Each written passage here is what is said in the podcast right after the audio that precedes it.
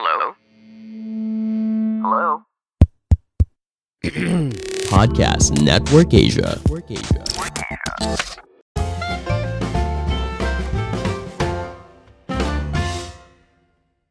Halo semuanya, kembali lagi bersama saya Madianto. Kali ini kita akan membahas tentang cara hemat dengan menunda keinginan. Untuk memenuhi kebutuhan hidup sehari-hari, tentu saja aktivitas belanja menjadi rutinitas yang harus dijalankan. Walau berbelanja tidak selalu berakhir boros, kalau dilakukan dengan tepat sasaran, tapi ada kalanya kamu berbelanja di luar daftar yang telah direncanakan sebelumnya. Kenapa hal tersebut bisa terjadi? Faktor utama penyebabnya disebut sebagai keinginan impulsif saat berbelanja. Keinginan adalah segala kebutuhan lebih terhadap barang ataupun jasa yang ingin dipenuhi setiap manusia pada sesuatu hal yang dianggap kurang. Keinginan juga tidak bersifat mengikat dan tidak memiliki keharusan untuk segera terpenuhi. Keinginan lebih bersifat tambahan.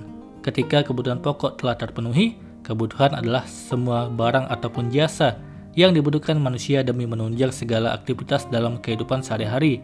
Kebutuhan tidak akan lepas dari kehidupan sehari-hari, di mana kebutuhan merupakan hal dasar dalam memenuhi keberlangsungan hidup dan harus segera terpenuhi. Pemenuhan kebutuhan yang dilakukan makhluk hidup khususnya manusia menjadi faktor dasar dalam melakukan belanja. Bagaimana sih cara mengetahui kalau barang itu merupakan barang keinginan? Berikut adalah caranya. Kalau seseorang memiliki kebutuhan terhadap barang atau jasa, biasanya hal paling penting yang menjadi pertimbangan adalah manfaat yang dapat diambil dari barang atau jasa tersebut beserta fungsinya. Keinginan berada di sisi lain, biasanya bersifat subjektif, tidak terlalu berpengaruh pada kelangsungan hidup seseorang. Pemenuhan terhadap keinginan biasanya bersifat kepuasan semata dan cenderung menyesuaikan terhadap selera individu. Keinginan bisa bersifat positif kalau pemenuhannya memberi nilai tambah atau memberi dukungan terhadap pemenuhan kebutuhan yang telah tercapai. Menunda keinginan dapat menghemat pengeluaran. Cobalah lebih memprioritaskan kebutuhan daripada keinginan. Kalau kamu ingin membeli sesuatu, cobalah menunggu sekitar tujuh hari. Kalau selama tujuh hari kamu masih ingin membeli barang tersebut, berarti kamu memang butuh akan barang itu. Akan tetapi kalau selama tujuh hari kamu tidak jadi ingin membeli barang itu, berarti kamu sudah tidak menginginkan barang tersebut lagi sehingga uangnya bisa disimpan jadi lebih banyak karena sudah batal membeli barang tersebut. Membeli barang yang diinginkan memang tidak ada salahnya, tapi ketika kamu memaksakan diri membelinya, hal inilah yang menjadi masalah.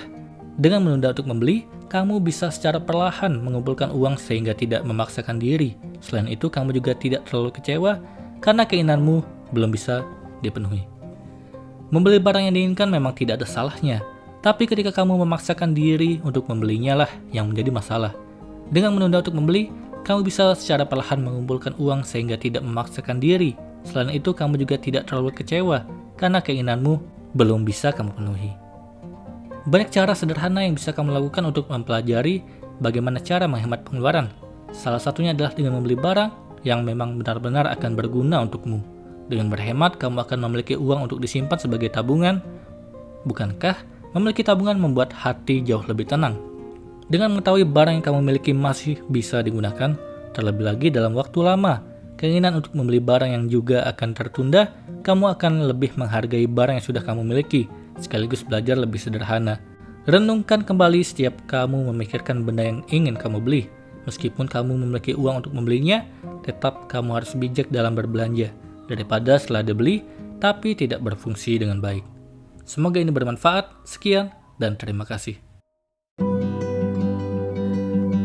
Pandangan dan opini yang disampaikan oleh kreator podcast, host, dan tamu tidak mencerminkan kebijakan resmi dan bagian dari podcast Network Asia. Setiap konten yang disampaikan mereka di dalam podcast adalah opini mereka sendiri dan tidak bermaksud untuk merugikan agama, grup etnik, perkumpulan, organisasi, perusahaan, perorangan, atau siapa pun dan apa pun.